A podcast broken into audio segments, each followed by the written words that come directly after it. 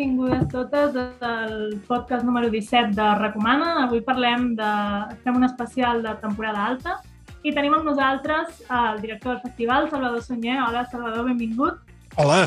El Manel Pérez, crític de Recomana i director d'Entreacte. Hola, Manel. Hola, Alba, què tal? Hola, Salvador. I jo mateixa, que sóc l'Alba Cuenca, també crítica de Recomana i col·laboradora d'Entreacte.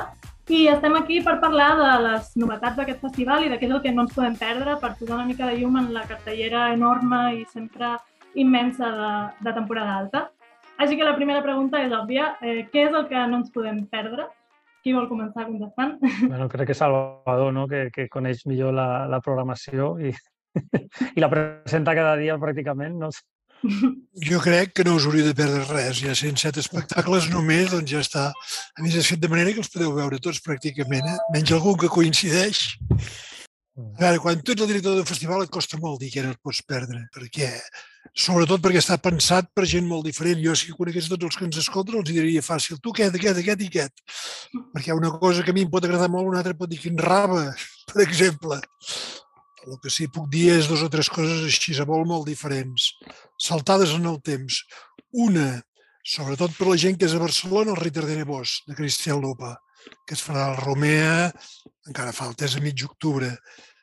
Jo, que he vist bastants espectacles de teatre, perquè és la meva feina, de fet, doncs deu ser dels, per mi, quatre, cinc millors que he vist a la meva vida. Per tant, aquest no em costa gens. Per tant, ara he començat jo ara ataqueu vosaltres. I, I per què fer-lo a Barcelona? Perquè aquest espectacle es farà al Teatre Romea. Per què sí. decidir aquesta... A veure, en primer lloc, aquest espectacle temporal ja l'hem fet dues vegades. Totes dues es va fer a Sal. Una deu fer... Fa, fa 25 anys eh, que es va estrenar això. Ho fan els mateixos tres actors, exactament, i el Lupa té una cosa que no cap més director del món que jo sàpiga, i és que no es fa mai un espectacle seu que ell no hi sigui. Si ell no hi és, no es fa. I durant l'espectacle ell està sempre a cabina amb uns walkies i va dient coses encara als actors. Això després de 25 anys. Per què es fa a Barcelona? Que de fet era la pregunta. A veure, aquí ja s'ha fet dues vegades, és un espectacle que no es havia vist a Barcelona i nosaltres vam dir, va, ens agradaria anar fent alguna cosa no, no, el festival és a Girona i serà a Girona i a Sal, però fer alguna cosa a Barcelona que ens sembla que està bé, ens acostem a la muntanya, diguem-ne, i per tant, en aquest cas, com millor per arribar-hi que un dels espectacles que nosaltres considerem que és el millor que hem vist aquí. En aquest sentit, jo, jo aquest també el tenia al top, vull dir, és, és un espectacle de referència i encara, i encara, bueno, no només perquè es farà a Barcelona, segur que molta gent, sobretot els que fa molta mandra sortir de Barcelona, que estan allà tancats com si fos una presó, uh, ja, ja els hi porten l'espectacle a casa. I, i tal com diu el Salvador, aquest és un, un dels imperdibles i, i bueno, no sé si tindrem moltes més ocasions de, veure, de veure amb el, amb el repartiment, com diu, el repartiment original i un espectacle que ja fa que gira tant de temps. Vull dir, no, totes les, no, tot, no tots els anys tenim la possibilitat de veure un clàssic contemporani i, per, per tant, jo crec que aquest, aquest està en, en, en el top 10. No sé si en el teu també, Alba, però en el meu i en el del Salvador, eh, indubtablement. És el 18, 18 d'octubre en concret que ho fan. Um, doncs sí, sí, és, és una d'aquests segurament s'esgotaran ràpid, eh, imagino, perquè només és una única funció, suposo que no sí, sé com allà entrades, però... I, I en dimarts, a més a més. és que havíem de buscar un moment que tinguéssim, trobéssim un forat a Barcelona i no hi ha tants forats a Barcelona, i dimarts, és igual, farem un dimarts. Va, què més? Deies que en tenies diversos que, que volia recomanar, Salvador, què més recomanes? Un altre de molt diferent, que és la frontera entre el, el teatre i la música és el concert, és un concert molt teatral, perquè hi ha l'Hotel Emper, que és un concert de l'Hotel Emper amb una orquestra sinfònica, amb una orquestra. Per què el recomano? A banda que és ajuntar una orquestra sinfònica aquí amb l'Emper, sobretot perquè és un concert dedicat al que en deien els alemanys, els nazis, vaja, no els alemanys, la música degenerada, que és aquesta música bàsicament que surt del cabaret alemany, que és una cosa que a mi, ho reconec, que a vegades hi fan els gustos, eh? m'agrada molt la música, les cançons del cabaret alemany, és el Corbay, l'Eisler, Chau, etc. Però, a més a més, qui millor canta això al món, que sapiguem fins avui, és el Lemper. Per tant, aquest és un altre dels que em fa gràcia. I el dic també perquè és un que si no es veu a temporada alta no ho veuràs enlloc. No és una cosa que es, que es repeteixi segur bé. Es farà a altres llocs del món, es fa, vaia, segurament, però si no ho veus aquí no ho veureu lloc. Teniu, teniu, ara ve la pregunta de periodista, eh? que Sí. abans que crític sou periodista. Teniu també contractes d'exclusivitat, com, com els grans festivals de música que dius, no, actues al Primavera Sound al Sonar i ja no pots actuar a Espanya en tot el que queda d'any. Mira, a mi m'acosta molt dir coses que no són. No fem això, però sí que fem amb els que venen de fora, ens ho parlem abans, no ho fem amb contracte, Uh -huh. perquè el món del teatre amb el de la música té diverses, diverses diferències. La primera és que en paraula funciona molt. No cal tant contracte, segurament perquè no mou tants diners, eh? no ho sé, però la paraula funciona. Aleshores, el que solem fer amb lo internacional és parlar-nos-ho parlar, -nos, aquí. En Cesc, que és el director del grec, el lliure, ens ho comentem, amb la Carme, amb la Portacelli també ens ho parlem, per què? Perquè som bàsicament els que portem coses de fora. Aleshores ens posem d'acord per intentar no repetir, perquè poc que ve de fora només faltaria que repetíssim, i fins i tot complementar. Uh -huh. Per tant, no, això segur que no es veurà lloc més, seguríssim, però ja et dic que no és tant com la música, que és per contractes i per no sé què, Uh -huh. sinó que ens ho parlem i més aviat al revés. Diguem, jo no podré fer això perquè no m'hi cap. Està molt bé, ho has vist tu i ens passem coses. És un món molt diferent. Eh? No, diguem no competim, sinó intentem com a mínim complementar-nos. Evidentment, en Cesc, la Portacelli, en Martel i jo, cadascú de nosaltres volem tenir la millor programació possible. Això sí, però aquesta cosa no passa. No, està, està ben repartit, és col·laboració, exacte, està, Mm. està molt bé. Escolta, jo, jo per, per, per, anar, per, per introduir unes coses al, al debat, jo tinc molta curiositat amb, amb, amb l'espectacle Petróleo de, de, l'Espiel, de, de la companyia Pil de Lava, uh, perquè dintre de la... Sempre bueno, hi ha determinats artistes doncs, que van tornant cada un any, cada dos anys, i a mi m'agraden aquestes propostes que, que, que, que és una companyia inèdita, que ve per primer cop i que ve amb un espectacle que, que, que se n'ha parlat, que se n'ha parlat molt allà on s'ha fet i, i, i, i per les crítiques que, anat, que he anat llegint doncs és, té molt bona pinta. És una companyia d'intèrpretes femenines que, que fan paper d'homes i, que, i que, que, i que interpreten, si no si m'equivoco, Salvador, corregeixes, eh? però que interpreten a, a treballadors d'una plataforma petrolífera que és com, després dels cowboys, jo crec que és uh, el, un símbol de la És el món més masculí del món, en teoria. Exacte. Al meu gust, al Llavors, meu gust, aquest espectacle és brutal. És brutal en quin sentit? Primer el que deies tu, és a dir, planteja, sense fer discursets, ni dins que hem de pensar ni res, el tema gènere, el planteja des d'un lloc. És a dir, no et diuen res obvi i en canvi t'ho diuen tot. És a dir, l'espai, un dels probablement més masculins del món, que és una plataforma petrolífera perduda a la Patagònia, d'un pous de petroli que quasi no tenen pou ja, perdó, no tenen petroli ja, quatre dones que fan totes d'home, i ho, ho, ho toquen amb un sentit de l'humor i una gràcia brutal. Però a més a més tenen una cosa que per mi en teatre és bàsic, i és que són quatre actrius de l'hòstia parlant en plata. Una d'elles, la Gamboa, ja havia estat aquí amb altres espectacles d'altres directors argentins i aquest és un dels... Jo a mi em costa dir, fixeu-vos que jo intento dir coses només estrangeres perquè quan et diuen tria espectacles, triar la gent d'aquí costa una mica i si ets el director d'un festival s'ha delicat. Aquest és un dels que hagués triat també. Sí, sí, està, està meu Aquest és molt bo. Aquest no en tinc cap dubte. Algú poder dirà, però quina cosa més rara, aquestes ties, no sé què. És que no dones dones que són dones fins que fa no sé quan. I llavors te dones de la mirada irònica que té mai és brutal. Que arriba molt més que no pas quan et diuen obvietats, des del meu punt de vista. Això és el 4 de novembre al Teatre de Sal, eh? perquè, perquè, estiga, mm. perquè estiga mirant l'agenda ara mateix. I em penso que encara queden set entrades. Això és un descompte de grup, encara. Estem, estem parlant amb elles a veure si podem fer una altra funció. Ah, fantàstic, serà fantàstic.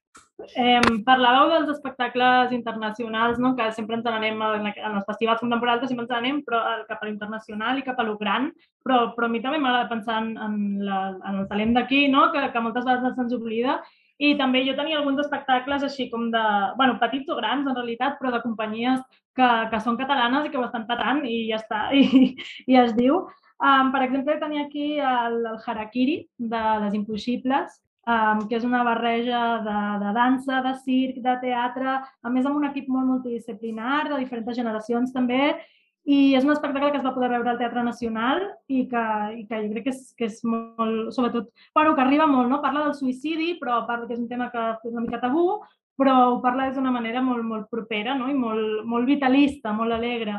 I llavors, bueno, que, que em sembla que tinguem aquí, amb la música de la Clara Pella, les coreografies de l'Ariadna Pella, uh, la Montse Esteve també amb els monòlegs del Pau Vinyals amb qui havien treballat, textos de la Maria Velasco, que és una dramaturga madrilenya que, que va guanyar fa poc el, el Max, um, amb un altre espectacle. Llavors, bueno, penso que és un equip molt potent i que reivindiquem també les creadores d'aquí, no? Sí, de fet, de fet el, el temporada alta, i jo el, el vaig veure quan va passar pel Nacional, aquest espectacle, és un espectacle que s'ha de veure. Uh, M'agrada també el, aquest paper del temporada alta d'agafar espectacles, de dir, no, no, no són espectacles que mereixen, mereixen la pena, que s'han de veure, i no només són aquestes dues setmanes de funcions a, a, al Teatre Nacional, sinó que, sinó que, a més a més, hi ha la possibilitat de que aquest espectacle tingui una gira interna, de que la gent de Girona o, el que, o gent de Barcelona o de Tarragona que no l'hagi vist pugui desplaçar-se a Girona i, i crec que dintre, dintre del context eh, també és un espectacle que qui no l'ha vist encara eh, és una magnífica mm. oportunitat per anar-hi. Jo he de reconèixer que sóc un fan dels impossibles. I que aquest any ho hem fet, van dir, ser el Teatre Municipal, a Sala Gran, van dir, va, tirem-nos. I jo crec que també està bé que hi hagi aquest, aquest anar anant d'un lloc a l'altre, anar anant d'un espai a l'altre. Per què? Perquè a més elles tenen una cosa i és que t'agafen, t'agafen, t'agafen i fas del club.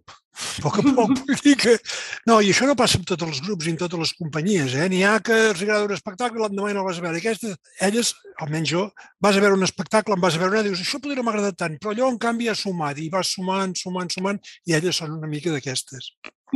Sí, i és, és, és l'avantatge, a mi m'impressiona molt perquè sempre hi ha altres companyies, hi ha altres formes de fer, però el que, el que tenen les impossibles és que han, han desenvolupat un, un llenguatge propi, una, mm. una forma de combinar diferents disciplines i, i encara que aquest, aquest llenguatge es, es repeteix i, i dona forma als espectacles i té aquesta cosa de, de, les, de les grans companyies que ves un espectacle i, i de, de seguida, en, en un minut ja, ja pots identificar, malgrat que hi ha moltes coses barrejades, que, que aquell espectacle és d'aquella companyia i que és el seu, el seu llenguatge i, i, és, i és realment fantàstic, sí. Um... No sé si... Jo, jo entre, entre les coses petites, uh, també volia un, que acaba de veure ara que s'ha obert una nova funció i és Uh, tinc molta curiositat per les, le, la lectura de les confessions que farà Joan Carrés a la catedral. És, és com mesclat una mica al cap, no? Perquè és, és un llibre que, que precisament a mi me'l van recomanar Sergio Blanco a, a, a temporada alta i, sí, i de sobte, no sabia ara, això. sí. Ara, ara, ara, te, ara, ara et trobo el Joan Carreras que farà una lectura ni més ni menys que la catedral de Barcelona, ai, la catedral de Girona. És, un, és, és, és, és, és una de les coses, un, un dels punts curiosos del festival, no? És, sí, és una cosa com, rara que... Com arribeu a aquesta proposta? Tu ets boig o què? Mira, jo ja fa anys que donaven voltes de fer això. I et diré per què. Quedaria molt bé si fos només idea meva. No. Fa molts anys, deu fer 25 o 30 anys ja, jo un dia era a París i passejant vaig entrar a Notre Dame, la catedral de Notre Dame, i vi un home llegint un text. Em vaig acostar, em vaig asseure i vaig dir, hòstia, és en Depardieu aquest, què fot? I en Depardieu precisament estava llegint un trossets, no això d'ara, eh, que és un tros triat i remuntat, sinó fragments així de les confessions de Sant Agustí. Les confessions de Sant Agustí, Sant Agustí era un senyor que era, dit en paraules així poc, poc delicades i fines, potero, alcohòlic, tot el que vosaltres vulgueu, i en un moment determinat es va convertir i les confessions, el que explica les confessions, que és un dels llibres bàsics de la filosofia, és del segle IV, eh? vull dir que és vell, vell, escrit en llatí. El llegirem en català, però no patiu. Doncs en aquell moment es va convertir va escriure aquest text. Es fa de per dia llegint això, lligava molt. En carreres no té aquest background tan perdut, diguem-ne. Però no, la idea de fer-ho... no, però aquí vam, vam anar pensant, i això fa 30 anys, eh? i va dir, ostres, em faria gràcia fer això. I va dir, mira, va, preguntem-li en Joan si ho vol fer. Diu, hosti, això vols dir? I és difícil això de llegir, perquè no és fàcil, eh? És un text... Llavors vaig dir, el lloc ideal és la catedral, també.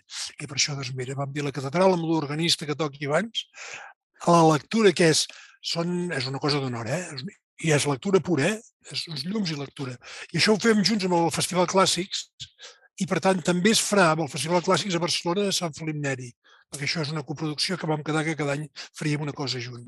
Ara és així, és, sí, sí que és una cosa estranya, ara també és curiós que s'hagi omplert la catedral i hagi hagut de fer una altra funció, que això no m'ho hagués pensat mai. Jo vaig dir, farem això, però serem 40. Quan aforament ja de la catedral? Uh, està a 400. Mm. Són els dies 21, era el dia 21 i ara eh, entenc que hem obert el 23 també, per tant, encara quedaran Sí, el 22 entrades, no el fem perquè és un dissabte i hi ha missa vespertina. estava ja agafat, estava ja agafat el, el torn. Jo lligant amb una cosa que deia abans l'Alba, és el primer any que, a base de veure espectacles, en veus molts, esclar, i, i escoltes projectes, etc. Hi ha un paquet d'espectacles, tots pràcticament de dones, joves, això és una cosa normal, és generacional, ara arriba. Ara arriba perquè les coses no es canvien d'un dia per l'altre, però que són per mi molt potents tots, tant el de les hueques, aquelles que no deuen morir, com el, el que farà aquest amb gent de l'Institut de José i sus hermanes, com el Crash, el text és, el text és d'un home aquí, és Meyer, però és fet per una dona i sobre el món de les dones, com el, la Casa de Bernarda, la Casa Sin Bernarda, vull dir. Són uns espectacles de companyia, tots ells, que són, per mi, molt bons. Molt, són, jo, d'aquest target, d'aquesta època, jo trobo que són probablement els millors. Jo n'hi podria afegir d'altres, el de la Mestanza, etc. Però aquests són alguns que a mi em fa gràcia de remarcar perquè i no són estrenes, eh, tots aquests, per tant sé de què parlo. Quan són estrenes, jo puc fer la propaganda que vulgueu, però em podeu dir aquest ben, ben fum, saps? Però en aquest de, cas no, eh? Entre, entre el que has dit, bueno, el de PAC, vull dir, no els he vist tots, hi ha molt interès, i, i el que parlàvem abans, és indiferent que sigui estrena o no sigui estrena, perquè jo, per exemple, el primer que, que comentaves, el de les hueques, jo crec que és un dels millors espectacles que es, que es va fer la temporada passada. És una, és una companyia doncs, doncs, molt jove, que planteja unes coses molt innovadores, un punt de vista molt innovador, tracten el tema de la mort que ningú s'espanti, però el, la, el tracten des d'un context, des d'una forma de veure'l, que és completament radical, eh, mm. en el sentit que ningú havia plantejat abans aquella forma d'apropar-se al subjecte polític del mort no? I, de, i de, de veure de senyors. Aquest, hi ha un negoci de l'amor en el que, en, que també estem, estem tots explotats i, i això ho fan des d'un llenguatge molt, molt fresc, eh, amb, amb, amb una performance i amb unes solucions que, que són molt innovadores i, mm -hmm. jo crec, per mi, ja et dic, per mi és un, un dels mas també que està en el meu top del festival. Premi, Premi Nova Veu dels Premis de la Crítica. Premi sí. Nova Veu. Consti que no ho he dit per això, eh? Consti que no ho he dit per això. No, no, però, però sí. Però és així, és que és un espectacle sí, sí. que és potent i és molt bo. Uh -huh. I igual que la Casa Sin Bernard és un espectacle amb una mirada molt intel·ligent sobre el tema de la Casa Bernard d'Arba, que és l'operació del no sé què, fan una operació que és brillant, que es treuen el que en diríem entre cometes les opressores, mare, etc etc, i llavors, pràcticament sense canviar l'orca, fan una altra mirada que és, dius, hosti, això és una altra mirada sobre un clàssic, no segons quines collonades que es fan. És a dir, no per posar Hamlet, eh, dos piercings i 12 tatuatges, fas una gran modernització del Hamlet. La mm. fàcil fas una lectura d'ara, jo crec. Jo parlava justament aquesta setmana amb, amb, amb la directora, amb la Paula Errando, uh, i m'explicava això, no? justament que la, aquesta operació, aquesta transformació de, de treure el personatge de la Bernarda, que simbolitza la violència, i deixar només l'univers de les filles i, i el, i, i contrastant l'univers de les filles, que són els personatges amb esperança, que estan atrapats, doncs com, com, com li havia donat una volta a, a, aquesta obra que ens la imaginem sempre de dol i, i tot, totes vestides de negre i havia trobat un, fins i tot una part lluminosa i una part d'esperança dintre, del, dintre del que és l'espectacle. Per tant, són noves mirades, noves formes d'entendre també, també el món, no? que, que, que, que, que enllacen aquest discurs de, de que hem donat la perspectiva i som capaços, els artistes d'ara, de construir espectacles des d'una perspectiva mm, completament diferent a, a, a, a la de fa 20 anys. Jo veient-lo em va fer pensar una cosa que ella no crec que pensés. I és que estem en un moment en què la gent jove la gent gran, per tant, mitjans de comunicació, tothom, tothom, tothom, tothom, els hi va dient cada ditxós dia que no hi ha futur, que no hi ha futur, que no hi ha futur, que no hi ha futur. Clar, això al final acaba entrant-te ja ho sé que hi ha coses que són difícils i tot el que tu acaba entrant-te. I jo veient-la pensava a vegades, aquesta operació de la Bernarda i companyia és una mica l'operació de, de, de, de les expectatives que hem creat nosaltres, perquè jo, òbviament, sóc gran, eh? a la gent jove, i, per tant, ells el que han de tenir és una mirada lluminosa, a vegades, també, vist el panorama com, com sigui. És a dir, dir que tot és una merda està molt bé i quan t'has esbravat ja ho tens tot fet però llavors es toca fer alguna cosa. I aquesta, per mi, és una de les gràcies d'aquesta obra. Jo lligo això amb un altre espectacle, amb La Crimosa, de la Bàrbara Mestanza i el Francesc Cuellar, que de fet a mi el que em va passar és l'altre dia parlant amb una persona, li, li, li vaig dir, ah, sí, La Crimosa, ui, jo vaig riure molt amb aquest espectacle, i, i aquesta persona se'm va quedar flipant, en plan, no, però com que va riure, si és un drama horrorós, no? I és, penso que, que, que està molt bé, és un retrat parlant d'això, no? d'un retrat de la generació millennial, no? de com ens han venut que, que tot anirà bé si treballes, si hi ha esforç, i com al final això resulta que és una mentida. I però alhora s'ha fet amb molt d'humor, no? O sigui, és, és pessimista, però alhora és molt divertida, molta ironia, molta mala llet. I, bueno, crec que, crec que és un espectacle molt bo, jo sempre vaig recomanant. Són dos monòlegs, bueno, dos, hi ha dues parts, diguéssim, són com dos monòlegs, el primer de la de, de ella, de la Bàrbara, i el segon del Francesc Cuellar. Són dos personatges que, que al final s'acaben creuant perquè tenen dues històries separades i ho fan des d'una una cosa molt senzilla, una taula ells dos i, i ja està, i, però amb un llenguatge molt actual, no? que si memes, que si bromes, que si riures, i crec que, crec que és això, no? també una mica de dir, vale, sí, aquí reconeixem que estem molt malament, però bueno, anem a riure'ns també una mica d'això. No? I hi ha aquest punt doble de drama i de, i de comèdia, d'això, humor negre, no? de bueno, riure, riure per no plorar una mica, però riure al final.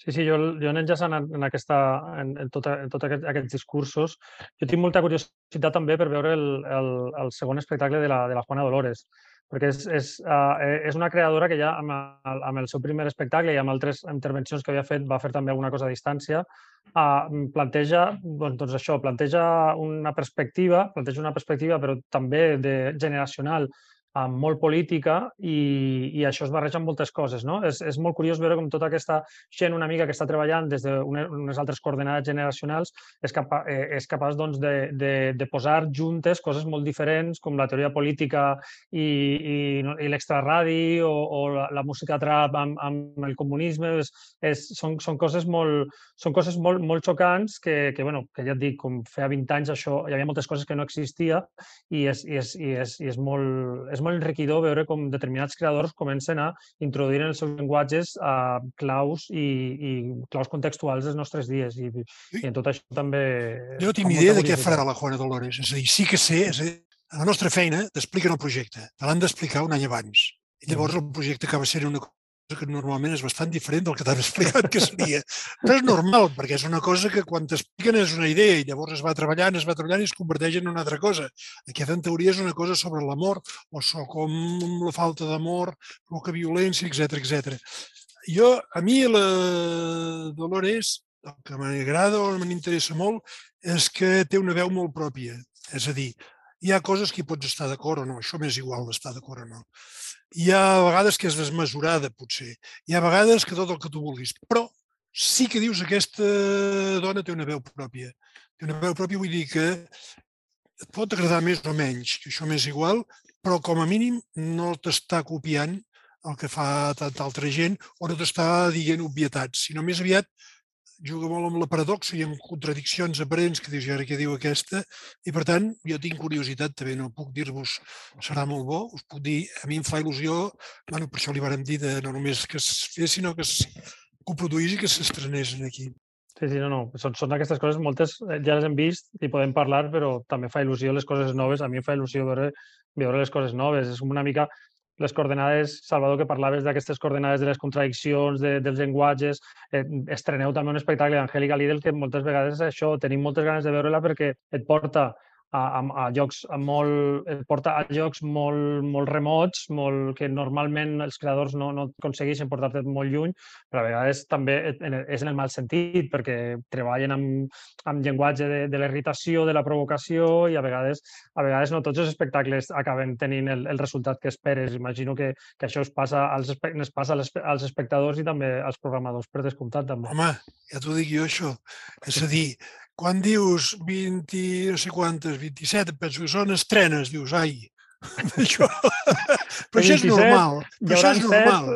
Les és normal. aquestes... És que hem de veure moltes obres a l'any. Quantes en veiem que diguis, ostres, això me'n recordaré tota la vida. En veus una cada 3 o 4 anys. Que dius, home, estava bé. En veus alguna.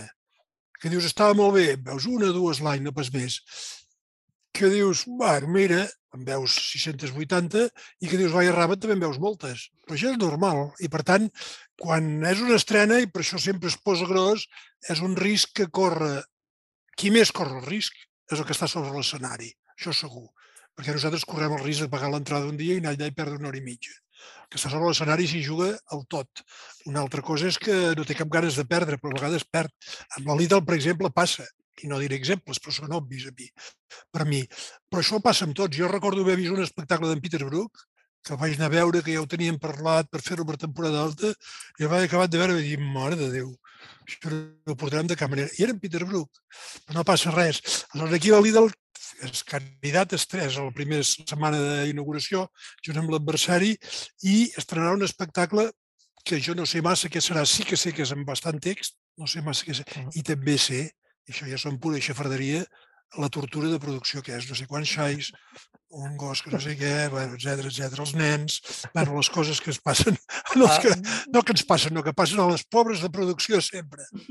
La particularitat d'aquest espectacle, eh, que crec que això no havia tingut mai, és que s'estrena s'estrena a Girona, per tant, la part final, diguéssim, el, el retoc final i tot... Eh, eh, els assajos finals són a Salt, sí, el canal a Salt són, a, són els assajos per tant, finals i és on estarà treballant, sí. Ja, per tant, eh, treballarà Aquí, per tant, és clar, i... tota aquesta part de producció és allà on te... més els toca. Eh?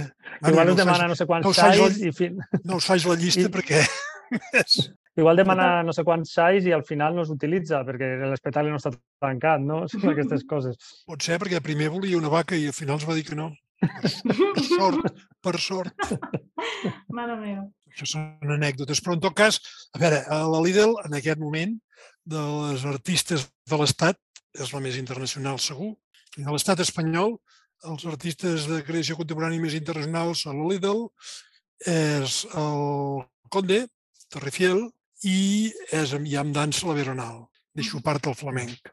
Eh? Aquests són els més internacionals en aquest moment, com ho són encara en Roger Bernat o com ho són d'altres però aquests són segurament els tres més internacionals. Mm. Bueno, és bonic bueno, el que deies de, de, de provar i de les estrenes, no? però que també és necessari això, que a vegades sembla que s'hagi de fer tot bé a la primera i en, en un terreny artístic encara més, vull dir, és que t'has d'equivocar, has de provar coses, has d'errar i això et servirà per fer altres coses. Ningú, ningú neix i a la primera ho fa tot perfecte, no? Per tant, és important que hi hagi oportunitats de risc i que algú aposti en tu per, per fer aquest primer pas, perquè sense aquest primer pas no n'hi haurà un altre. Jo crec que és exactament això que dius. I no solament has de poder equivocar al començament, que el començament hauria de ser obligat a equivocar-se, però no cal obligar perquè ja passa, no cal que ens hi esforcem. Però és una cosa que en el moment que es deixa de córrer riscos i es va, qualsevol artista, tots en coneixem mil, a la cosa segura, doncs, bueno, és la cosa segura, però més aviat fa mandra de veure, perquè dius, vale, això ho he fet, és allò la peça ben feta, et sap molt, etc. però ja està. I nosaltres sempre diguem, si tu ets metge, o sobretot si operes, has de mirar de no equivocar-te. Si tu et dediques a qualsevol dels àmbits artístics, doncs tens tot el dret, quasi l'obligació d'equivocar-te de tant en tant. I els programadors hem d'intentar portar les coses que estiguin millor possibles però també cada festival és com és. En el nostre cas intentem equilibrar coses que sabem segur que agradaran a aquest o aquell o aquell i amb coses que són un risc i, per tant, el que vulgui que hi vagi. Doncs crec que hem acabat el, el temps, ens toca eh, despedir-nos. Moltes gràcies, eh, Salvador, per, per, per concedir-nos una estona en la teva agenda apretada per estar aquí parlant amb nosaltres. Sí, gràcies a vosaltres, gràcies a vosaltres de, parlar, de, fer, de fer aquests programes. Eh? I gràcies també, Manel, per ser aquí, per també explicar les teves, les teves apostes de la temporada alta. Um, I res, doncs fins aquí. Moltes gràcies a tots els que ens heu escoltat i ens veiem en el pròxim programa, en el pròxim podcast de Recomana. El 18.